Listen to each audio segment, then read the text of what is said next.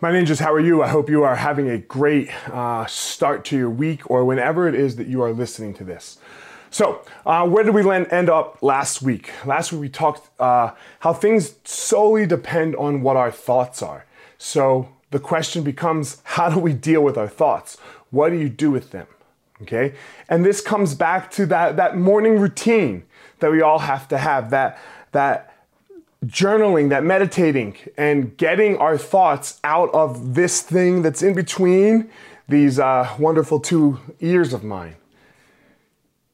Get them out. You have to get your thoughts out. You're going to have all kinds of thoughts. You're going to have skillful thoughts. You're going to have unskillful thoughts. And you're going to have thoughts that are in the middle.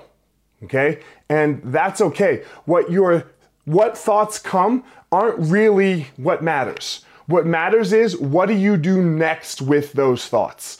Do you go down this rabbit hole of a story that where you go, oh my God, and then this, and then that, and then man, this person's gonna do this, I'm gonna say that to them. And, and we've all been there, right? And, and we all still do it.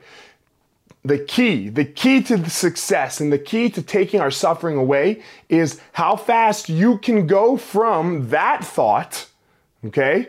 The thought of the story to, oh, no, Elliot, I'm just telling a story. I'm telling a story in my head. That story does not have to be true. What helps with that is actually putting that story somewhere, writing it out, writing out a sentence, writing out two sentences, writing out how you feel about a certain situation. Get it out of this thing that can be so skillful yet so unskillful that rests in between our ears.